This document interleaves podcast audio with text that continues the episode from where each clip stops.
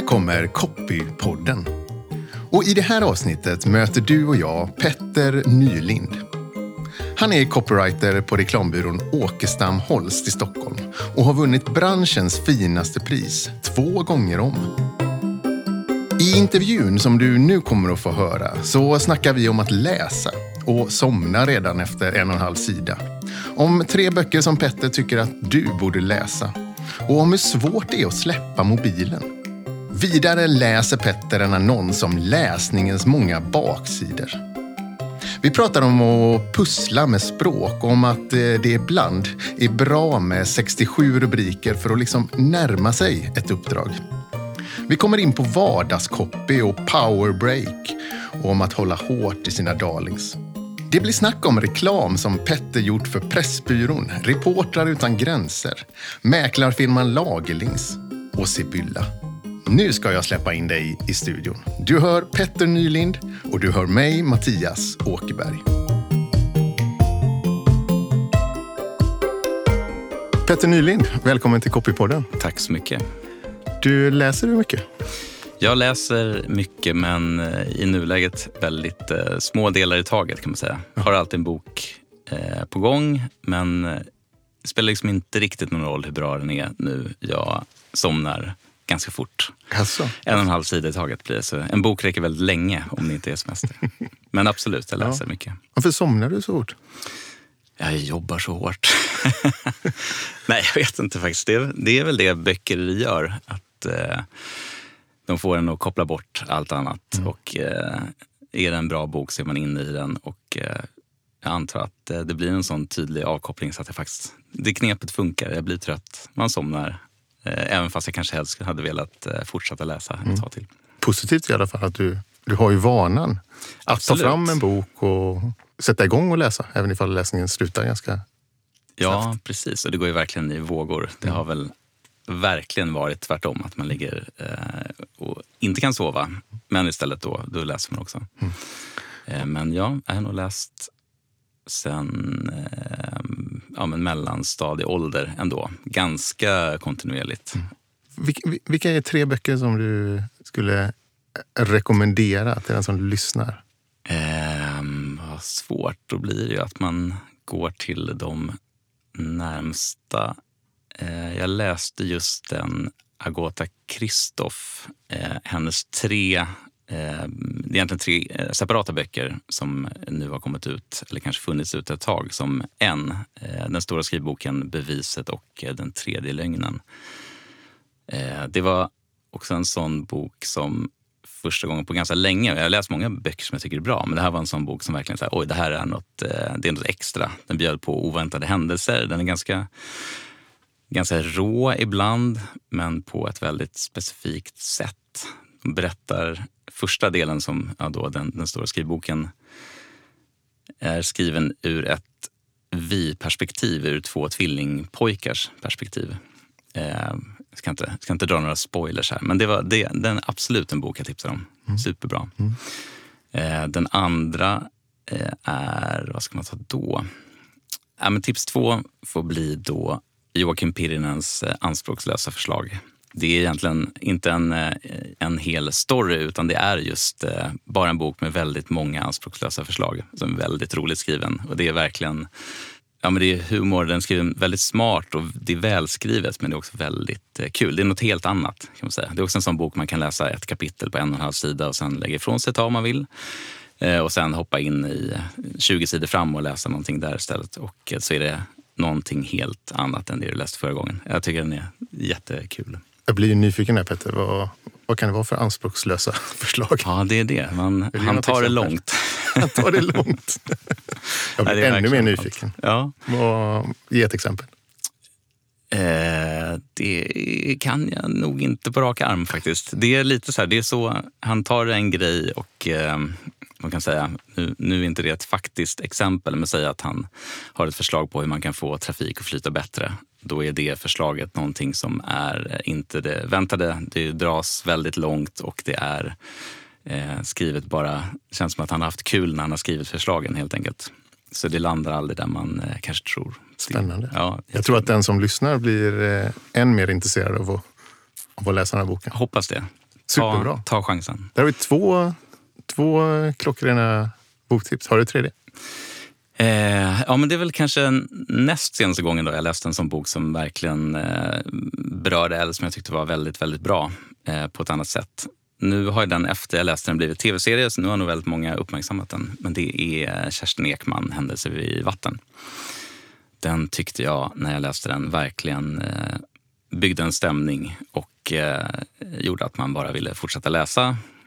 Eh, den var också väldigt målande. Man fick verkligen, eller ja, man kände att man eh, såg hur det såg ut på de här platserna hon beskrev. Samtidigt som den var spännande rakt igenom och eh, inte så förutsägbar heller. Eh, ja, den, den, hade något extra. Just för stämningen i boken tyckte jag var eh, fantastisk. Mm. Så det får bli en tredje. Ja, mycket bra. Jag är imponerad av din eh, förmåga att, att kvickt plocka fram tre boktips. Det, det, kan ju vara jättesvårt. Det kan det verkligen vara. Ja. Absolut. Jag hade tur. Du, eh, vad skulle du säga, när du väljer att läsa, vad, vad är det du försakar? Vad är det du väljer bort? Um, ja, det är väl sorgligt nog oftast att kolla på mobilen. Nu är det nästan det där omvända, att eh, jag börjar där. Eh, eftersom det oftast blir när, man går, när jag går och lägger mig, som jag läser i, sängen oftast, om jag inte är ledig, eh, så kan man fastna med mobilen. Och då kan det vara vad som helst. Så det är väl det största hindret skulle jag säga. Men annars, jag vet inte, jag tycker att det är svårt att göra är att finna ro för läsning förutom när jag ska gå och lägga mig. Jag skulle gärna, vara, jag skulle gärna sätta mig med en bok och så, men det händer ju väldigt, väldigt sällan. Mm. Och det är synd. Mm. Har du några knep för den som känner precis likadant? Jag skulle vilja läsa mer och oftare, men varje kväll så fastnar jag med mobilen. Vad svårt. Det är ju den där tröskeln. Men jag tänker väl att man ska börja. Eh, man behöver inte känna att man behöver läsa så långt. Uppenbarligen. Det räcker med en och en halv sida per kväll så är man igång. Och sen faktiskt det där som jag själv har svårt för. Det är i sig redan om man är inne i en bok, men om man märker att den, man inte tycker den är så bra, så lägg bort den. Man mm. behöver inte läsa klart. Jag har haft någon liten sådär att jag måste liksom avsluta eh, en bok jag påbörjat. Men det har jag lagt av med och det är bra. Klokt. Men eh, ett tips för att börja läsa, den är svårare. Mm. Men eh, tro på folks tips. Eh, mm. hittar du många, så ta någon du litar på. Kör på tipset och tycker inte att det håller, men välj en annan då. Du eh, har ju skrivit en lång annons. Alltså oh ja. lång för att vara annons, inte så lång för att vara jämfört med en bok. Nej.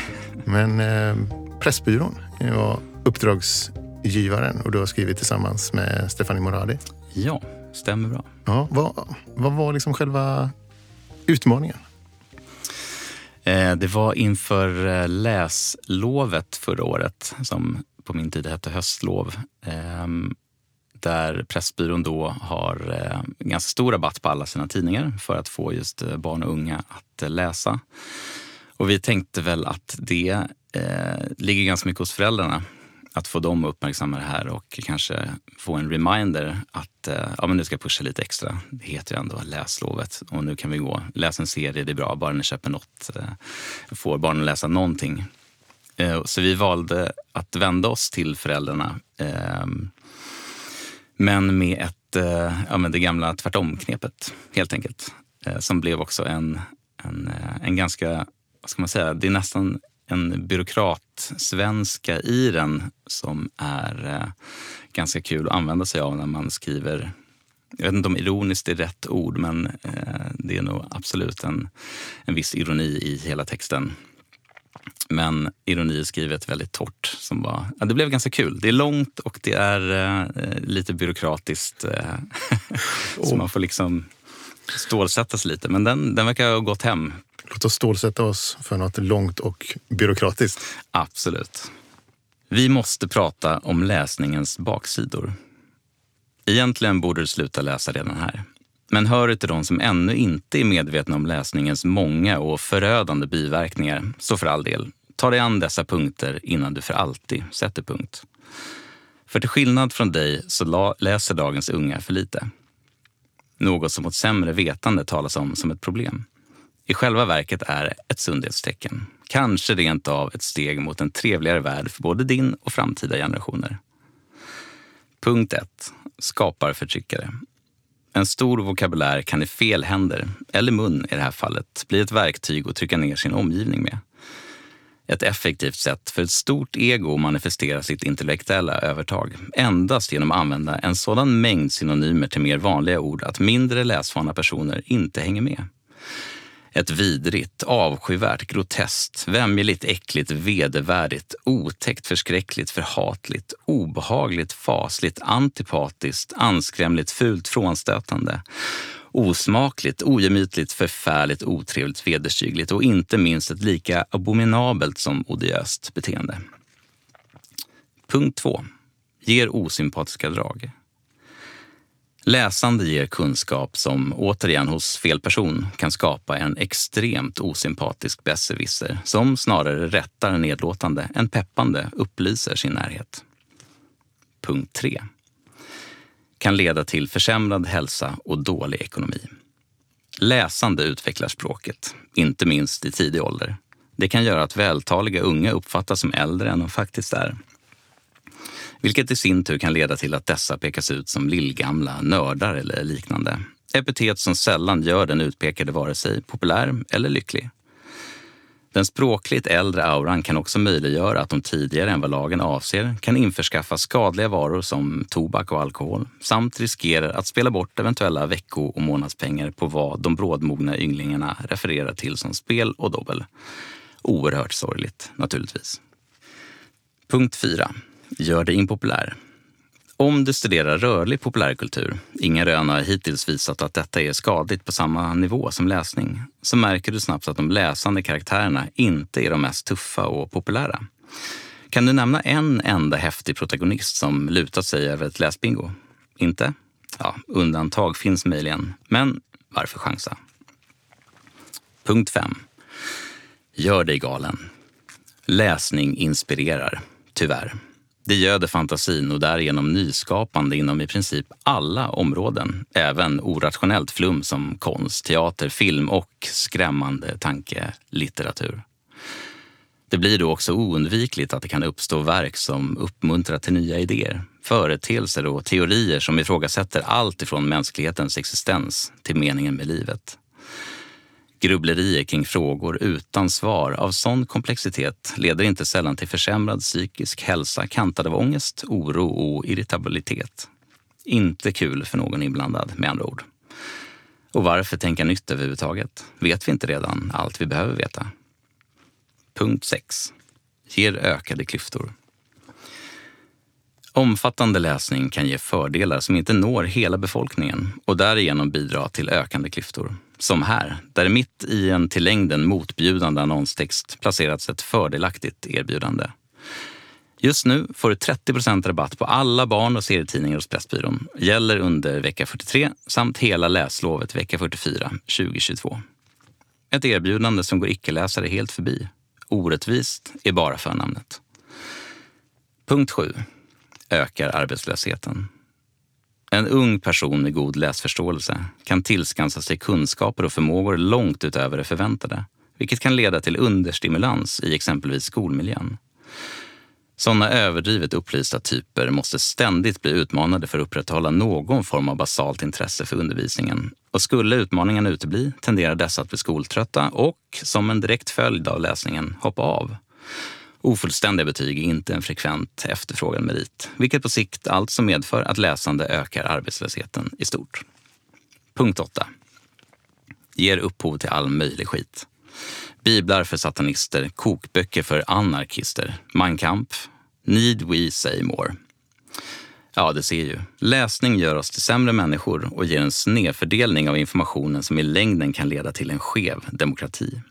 Mer jämställt vore därför att sluta med texter helt. Något vi nu själva försöker uppnå genom att rea ut tidningar i våra butiker med hjälp av erbjudandet i punkt 6. Kontraproduktivt? Nej. Det drabbar bara redan läsande och hindrar effektivt tillväxten av nya. Så lägg genast ifrån dig tidningen och slå ett slag för en bättre värld med färre läsare. Skicka de redan förlorade till Pressbyrån och gör det stundande lovet till det sista med läsprefix. Tack för ditt stöd. Hälsningar Pressbyrån. Och tack för att du läste den här annonsen Petter. Tack. Det var första gången på väldigt länge. Den är, den är lång, men det, det var kul. Kul att läsa en gång till. Vilken ljudboksröst du har. Tack. Hur reagerade Pressbyrån när ni presenterade den här idén? Ja, men oväntat eh, positivt. Eh, Lennart och Adrian som eh, är våra kunder på Pressbyrån fick den uppläst över Teams som inte alltid är så tacksamt att läsa texter över. Men de gillade taken direkt och fixade en, ett införande i Dagens Nyheter. Så det gick, det gick väldigt smidigt får jag säga. Jag och Stephanie presenterade den någon vecka innan det var dags och den gick någon korvända jag tror inte att de ändrade så mycket. Om jag minns rätt tog de bort någon punkt. Jag tror vi kanske hade nio punkter från början. Jag minns faktiskt inte exakt vad det var för punkt. Jag får kolla igenom gamla dokument. Eh, Men i stort sett så gick den eh, oförändrad eh, till tryck. Väldigt roligt. Var det också väldigt roligt att skriva den? Ja, det var det. Det var som alltid när man håller på med en sån här lång text som man tycker har något och eh, bryr sig om så eh, går i många vändor. Jag och Stephanie hade några passager som där jag gillade en take och hon en annan. Men förvånansvärt eh, få såna också. Men det var, det var kul att skriva så här extremt eh, torrt.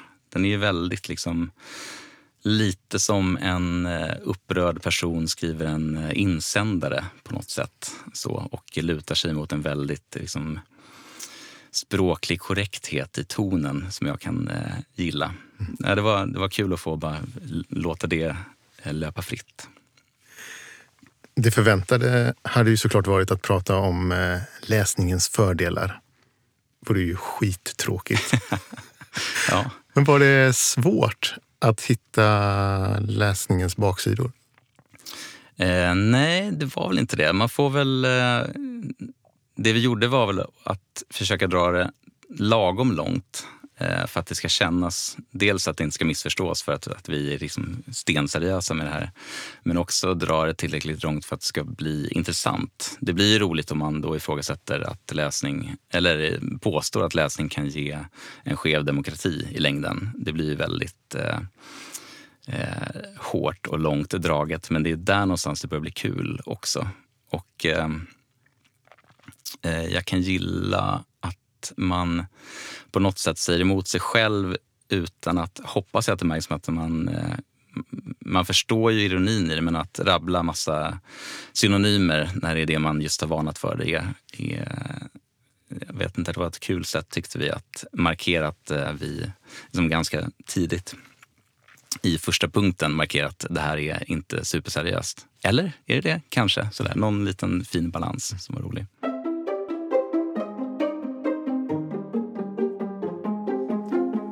Du nämnde ordet demokrati Ja. och jag tänker att vi ska flyga över till nästa fina jobb som du har gjort. Också ett samarbete, eller hur? Eh, uppdragsgivaren där heter ju eh, Reportrar utan gränser. ja, stämmer bra. Ja, vad, gör en sån organisation? Vad gör Reportrar utan gränser?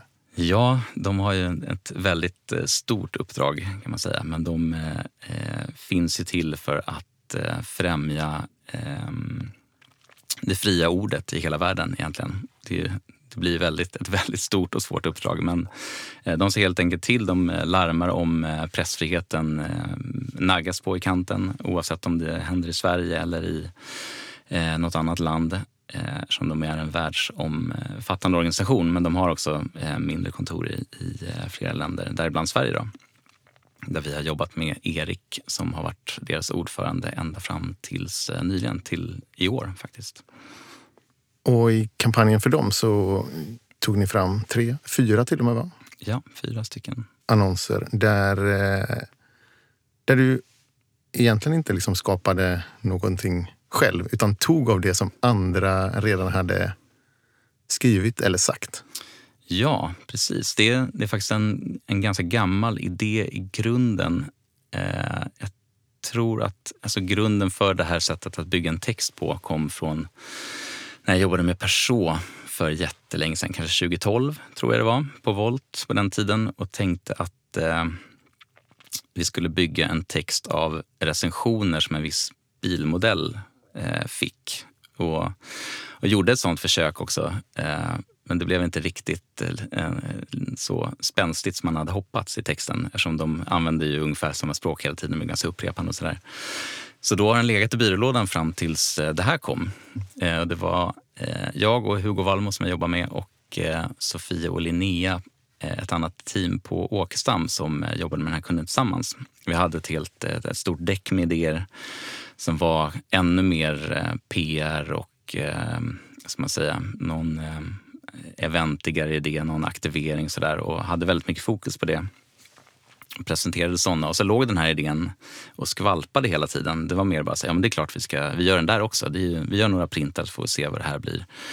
Eh, och sen eh, gick det inte att göra de andra idéerna vi tänkte så då gick vi all in på att göra de här fyra eh, printarna. Och det var ett lite större arbete än vad man Eh, först, eller vad jag först trodde i research. För det blir ju ett väldigt, väldigt letande. Eh, grundidén bygger på helt enkelt, vi skulle uppmärksamma att eh, David Isaac har suttit fängslad i 20 år.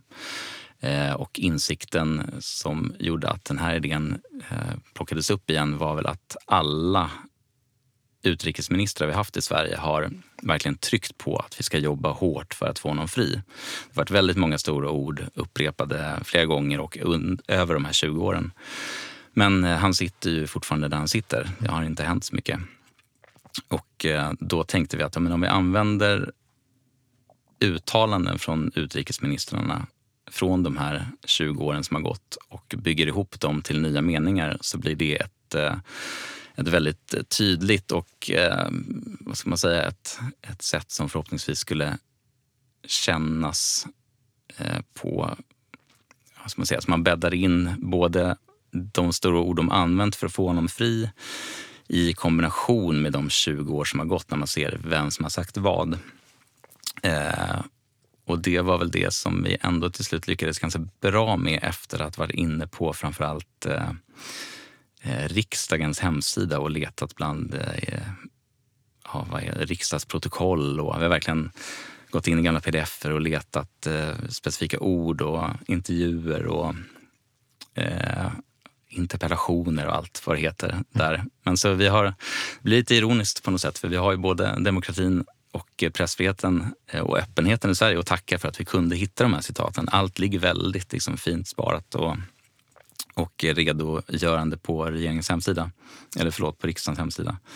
Eh, men sen blev det då ett, ett, eh, ett väldigt pusslande. Mm. Jag, jag kollade innan jag kom hit, tog upp de gamla dokumenten vi jobbade i och det är Ja, nu när jag går in och kollar i dem så fattar jag inte hur vi fick ihop det för det är ett enormt kaos med olika färgmarkeringar för vem som har sagt vad och ihopbyggnader och meningar som inte riktigt har funkat. Och det var ganska kul att återbesöka det där för det var, eh, ja, man får en flashback till hur, vilket jäkla pusslande det var. Mm. Och hur långt är ett sånt dokument? Eh, det är, jag tror jag hittar fyra olika dokument som är det kortaste. De blir ju kortare och kortare ju närmare man kommer slutprodukten. Jag tror ett var bara med alla eh, utrikesministrar utrikesministrarnas citat samlade i bulk. Så, där. så att här tar man ifrån när man hittar en rad och så lägger man det i dokument två kanske. Så där. Och bygger en mening och så märker man, ja, men får vi med tillräckligt många i den här nu då? Och är det ett citat som sträcker sig över, eh, över tid och så. Eh, och när man väl hade hittat några favoriter lyfter man över dem till ett tredje dokument. och på den vägen var det väl då. Så mm. hade vi eh, ja, väldigt många alternativ och så fastnade vi till slut för de här eh, fyra. Mm. Vill du eh, läsa de fyra rubrikerna? Eh, ja, det kan jag göra. Eh, den första då.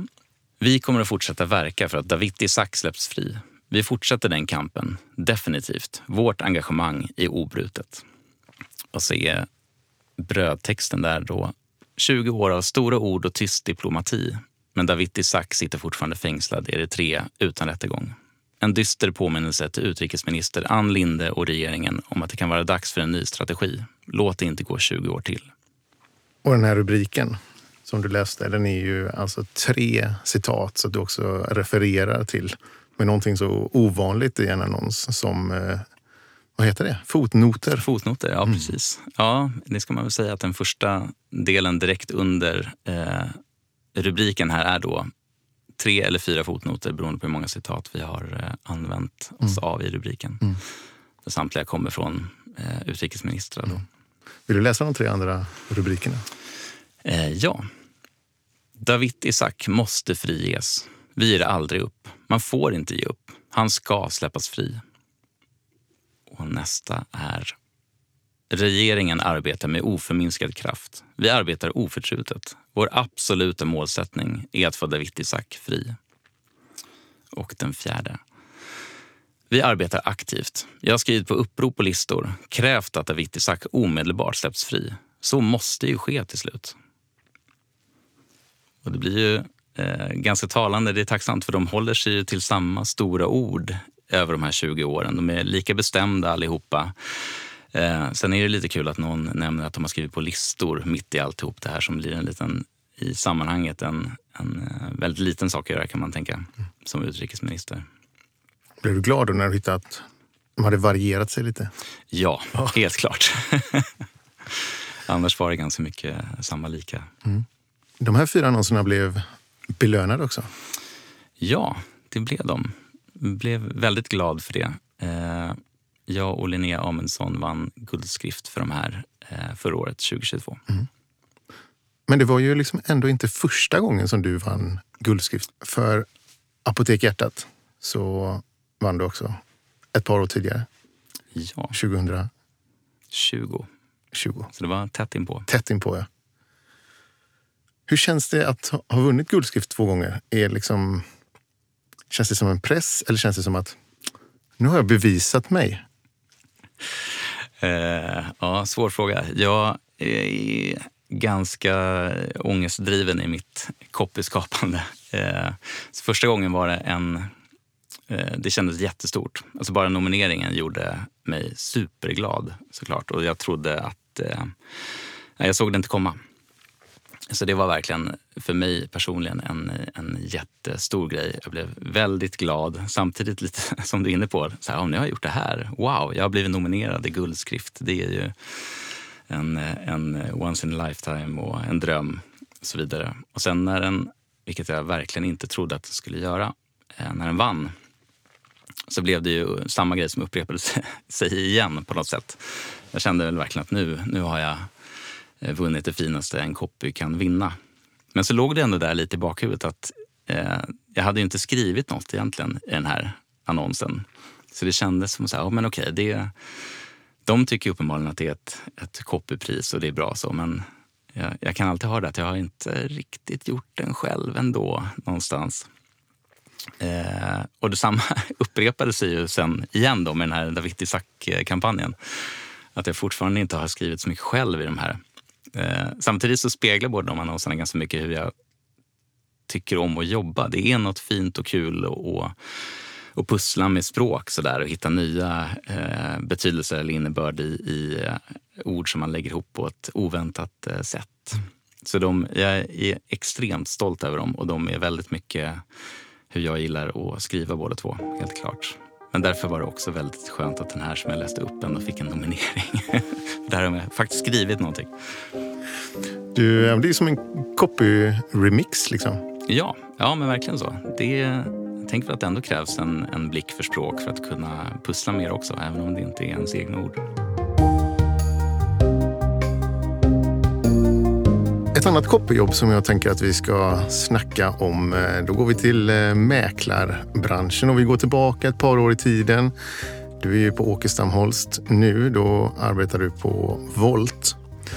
Och eh, då eh, gjorde du en kampanj för Lagerlings. Berätta, vilka är Lagerlings? Lagerlings är en eh, mäklarfirma som är specialiserad på Östermalm tacksamt bara där. Man har funnits länge och är ett, liksom, ett väldigt etablerat namn när det gäller att sälja och köpa fina lägenheter i en fin stadsdel. Och berätta copymässigt vad, eh, vad du skapade för, eh, för dem. Det är mycket rubriker eh, här. Det är liksom fokus på rubriker. Det finns inga brödtext ens i, i de här annonserna. Behövs kanske inte. Nej, där, jag kan nästan ta den här från början. För det, man landar där också lite i, både vad gäller målgrupp och de här, vad ska man säga, tonaliteten i rubrikerna. Men det var, ja, det var på Volt, det var en väldigt liten arbetsgrupp. Det var jag och eh, Louise Wallgren som var projekt och produktionsledare för det här och en eh, designer som heter ehm, Stefan Trolle. Vi eh, träffade då Rickard Lagerling som är vd och ägare av den här mäklarfirman och mäklare själv också, som hade en ganska tydlig idé om att han ville göra något för Lagerlings som klart visade att de är den största Östermalmsmäklaren. Han hade ett eget exempel på liksom tonalitet och det blev till slut en av de här rubrikerna. Bara att vi, vi la till två rum i den rubriken. För han sa från början jag kommer inte ihåg det ordagrant, men jag vet att vi var på hans kontor. Han sa men man, man säger någonting i stil med så här, men klart grabben ska ha en tio-rummare. Och där någonstans satte han ju verkligen eh, nivån för vad det här skulle bli. Eh, väldigt tacksamt också, för då är han väldigt öppen med att driva med hela sitt eh, vad ska man säga, hela sin marknad och sitt klientel och även sig själv i hur man ser på Östermalm.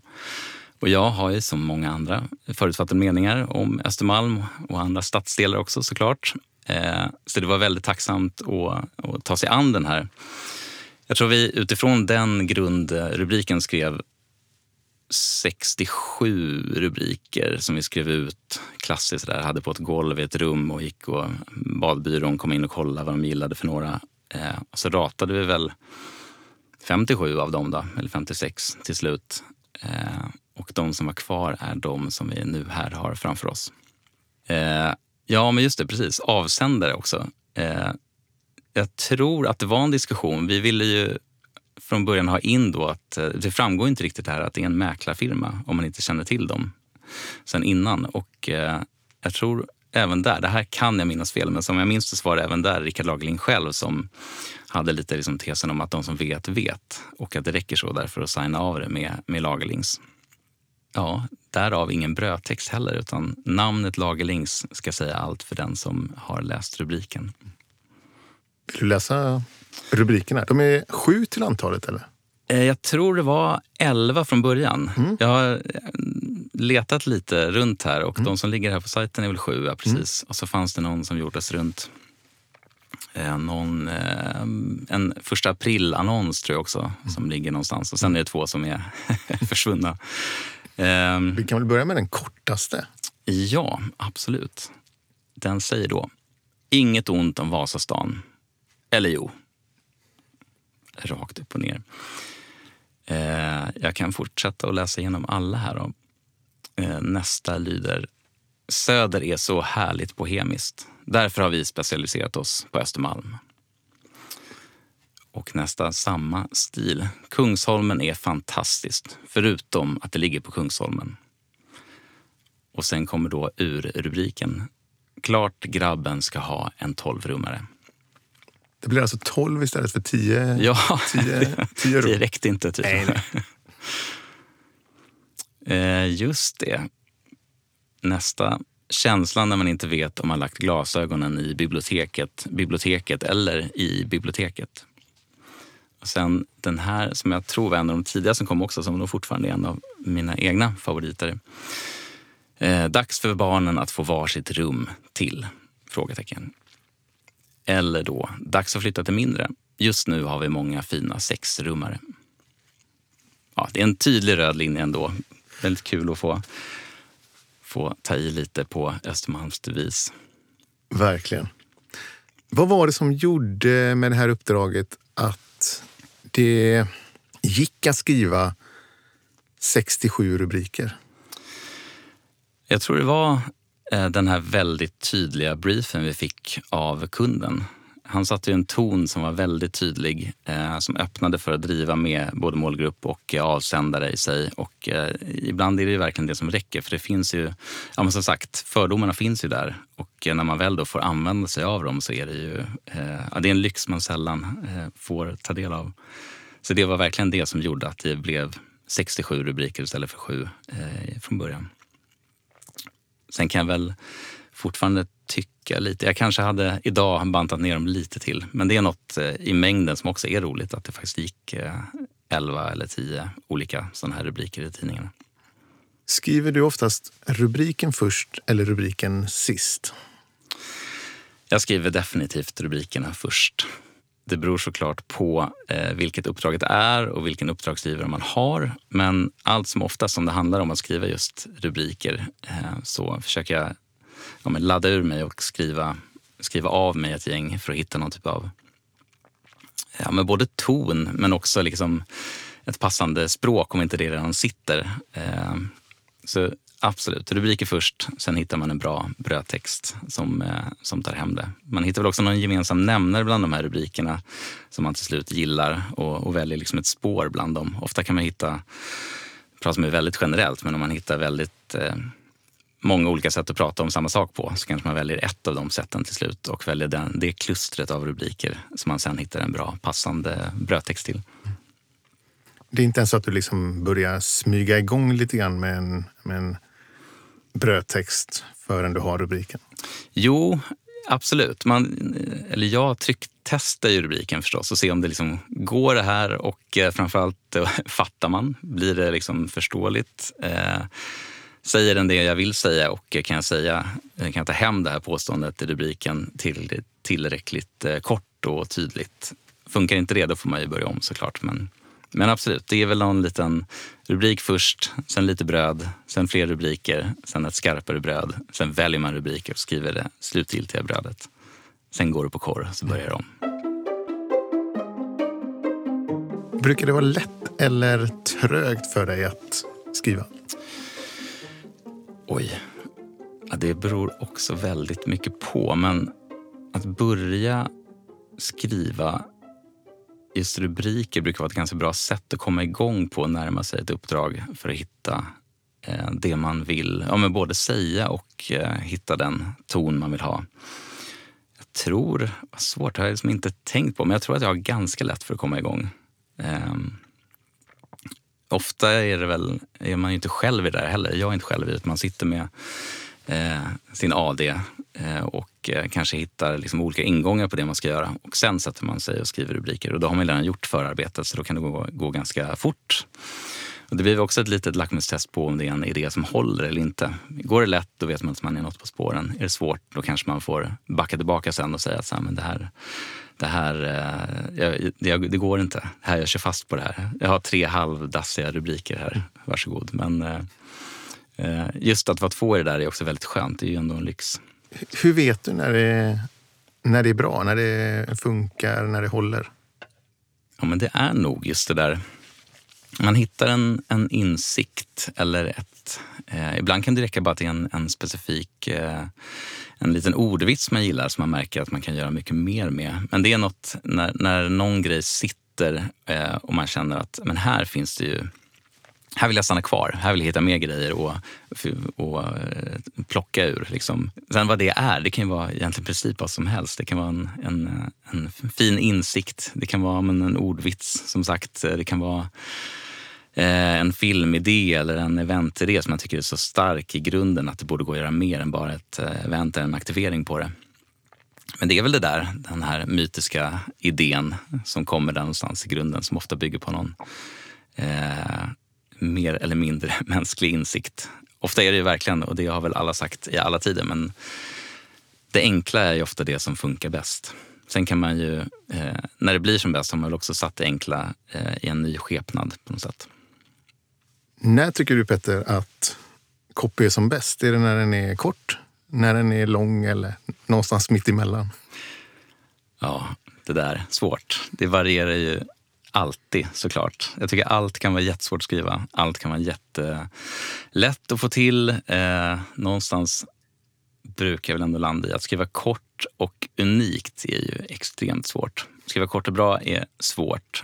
Skriva långt och okej okay har jag själv ganska lätt för. Men skriva långt och vasst och bra är supersvårt tycker jag. Därför blir man så glad om man tycker att man ibland får till det. Sen är det ju verkligen eh, smak inblandat också vi gillar ju olika filmer och olika musik och gillar såklart olika språk på, i skrivspråk också. Men eh, jag kan ju absolut uppskatta vissa sådana korta, eh, självklara grejer som folk kan få till. Jag pratade lite om det innan. Jag, jag kollade på hockey-VM här och fascinerades av att de har det här de kallar för power breaks. Och att det är eh, egentligen bara ett, ett coolt ord för reklamavbrott som alla köper in på. Det, jag blir fascinerad av det. Att det helt plötsligt bryts det och så säger någon röst så här, power break. Och alla bara absolut, vad bra, härligt, äntligen power break. Fast det egentligen är något som liksom hugger upp spelet och eh, eh, gör matchen lite sämre och jobbigare att titta på. Mm. Men det är en sån rad jag skulle vilja ha kommit på. Jag skulle fått en briefen, så här, nu ska vi få in mer reklam. Hur fan ska vi förklara det här? Jo, men jag har, ska vi inte bara kalla det powerbreak? Vi har ju powerplay, då är det powerbreak. Sådana grejer kan jag bli impad av.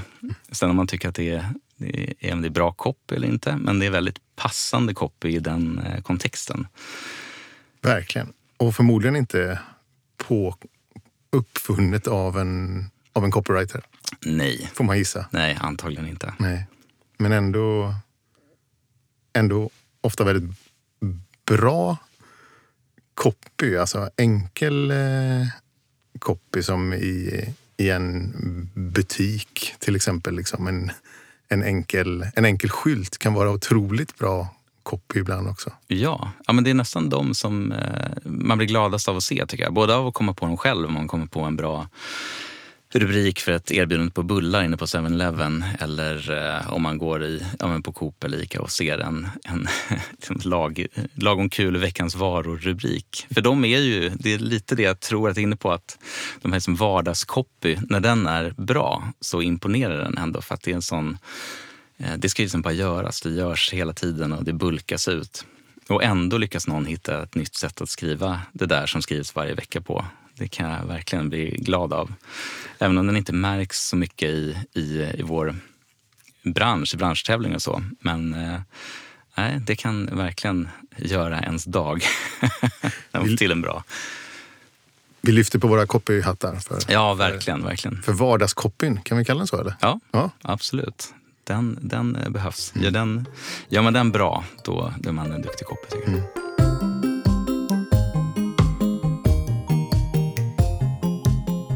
Tillsammans med Daniel Vacino så har du också skrivit, du har skrivit mycket med andra copywriters slår det mig när jag eh, påbörjar den här frågan. Ja, det har jag inte ens reflekterat över själv men mycket av det jag valt ut eh, eller tittat tillbaka på så här, som jag tycker är bra jobb är ofta med andra. Mm. Det är talande, hoppas jag.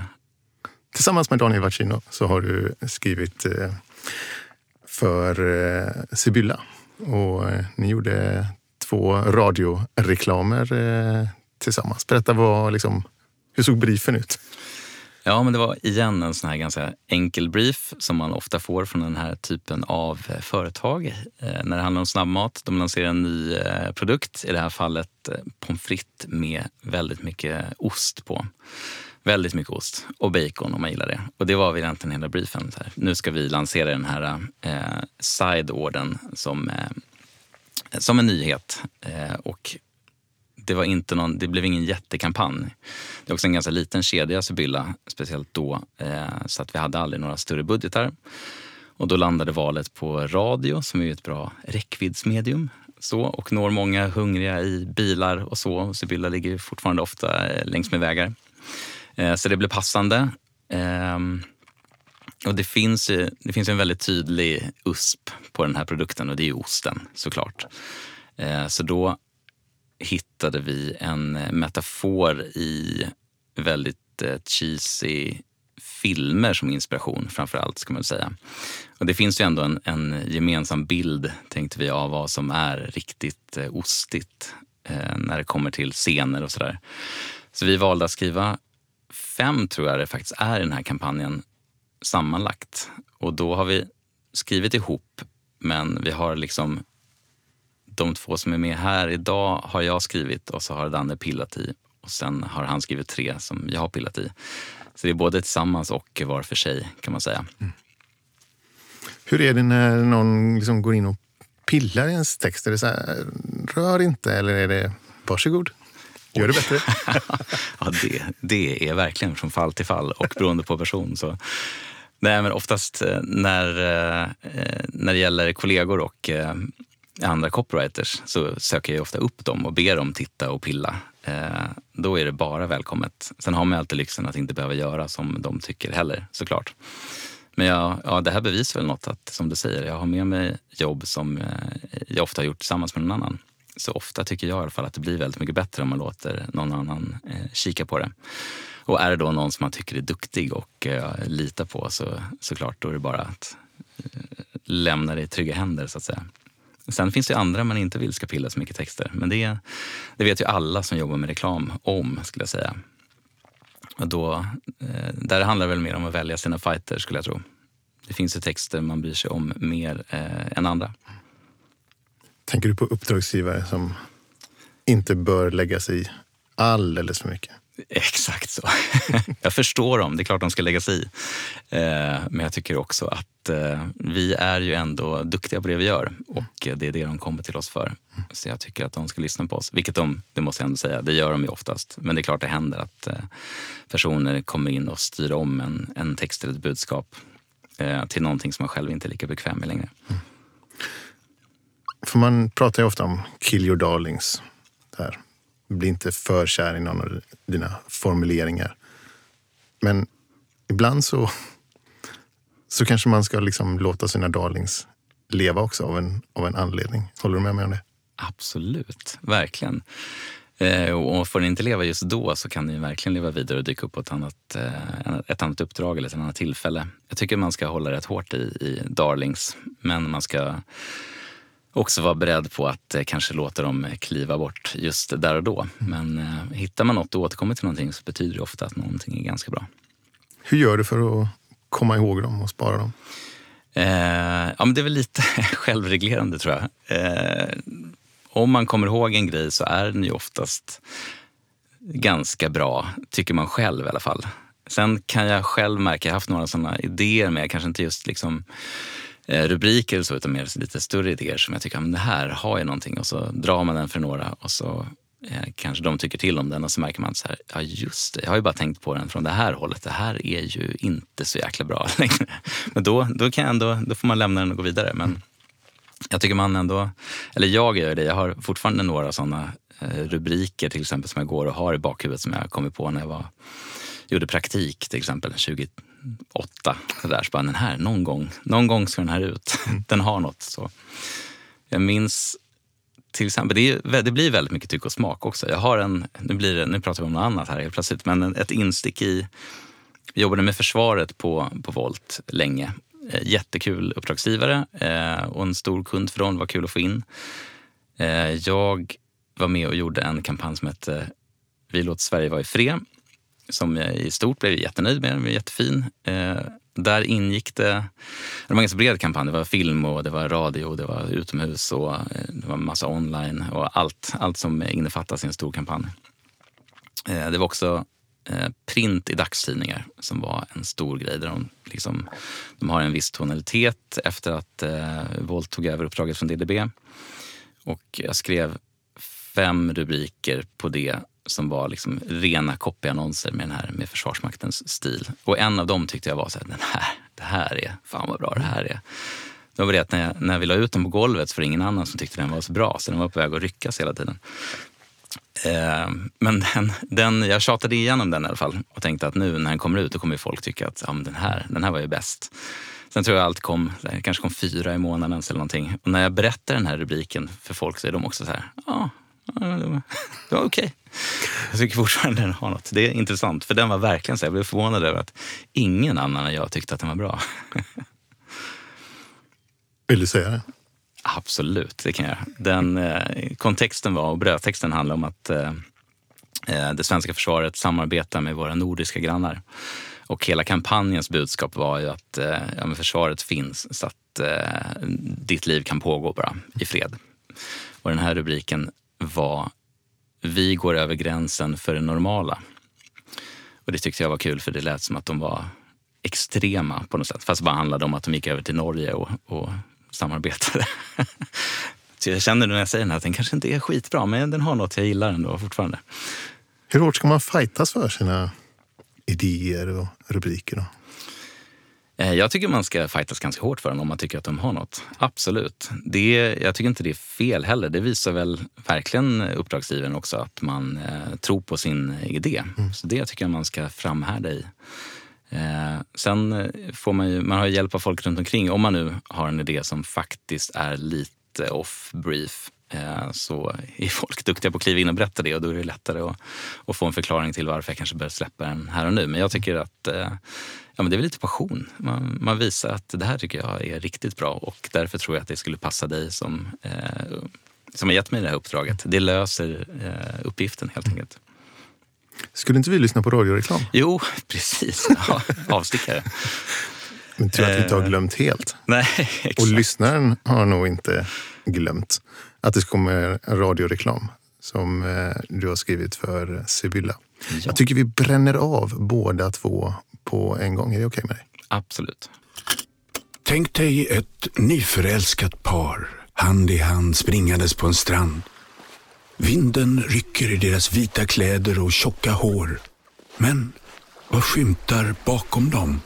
Är det... Ja, det är en regnbåge panflöjt. När delfiner bryter vattenytan och för en sekund placerar sig mellan paret och den stora blodröda kvällssolen så kysser de varandra. Cheesy va? Men inte lika cheesy som nya Cheese Future Fries. Framtidens pommes med smältost, bacon och rostad lök. Ses på Sibylla. Ha det gott! Tänk dig en man som springer genom en flygplats. Tårar får kinderna att glänsa. Han ropar, nej skriker, ett namn. Hennes namn. Han rusar upp för nedåtgående rulltrappor och vill skrika igen, men orden fastnar. Han når en tom gate. Hoppet rinner sakta ur honom och han viskar mellan hulkningarna. Sally? Looking for someone? En mild kvinnoröst talar till honom. Cheesy va? Men inte lika cheesy som nya Cheese Future Fries. Framtidens pommes med smältost, bacon och rostad lök. Ses på Sibylla. Ha det gott!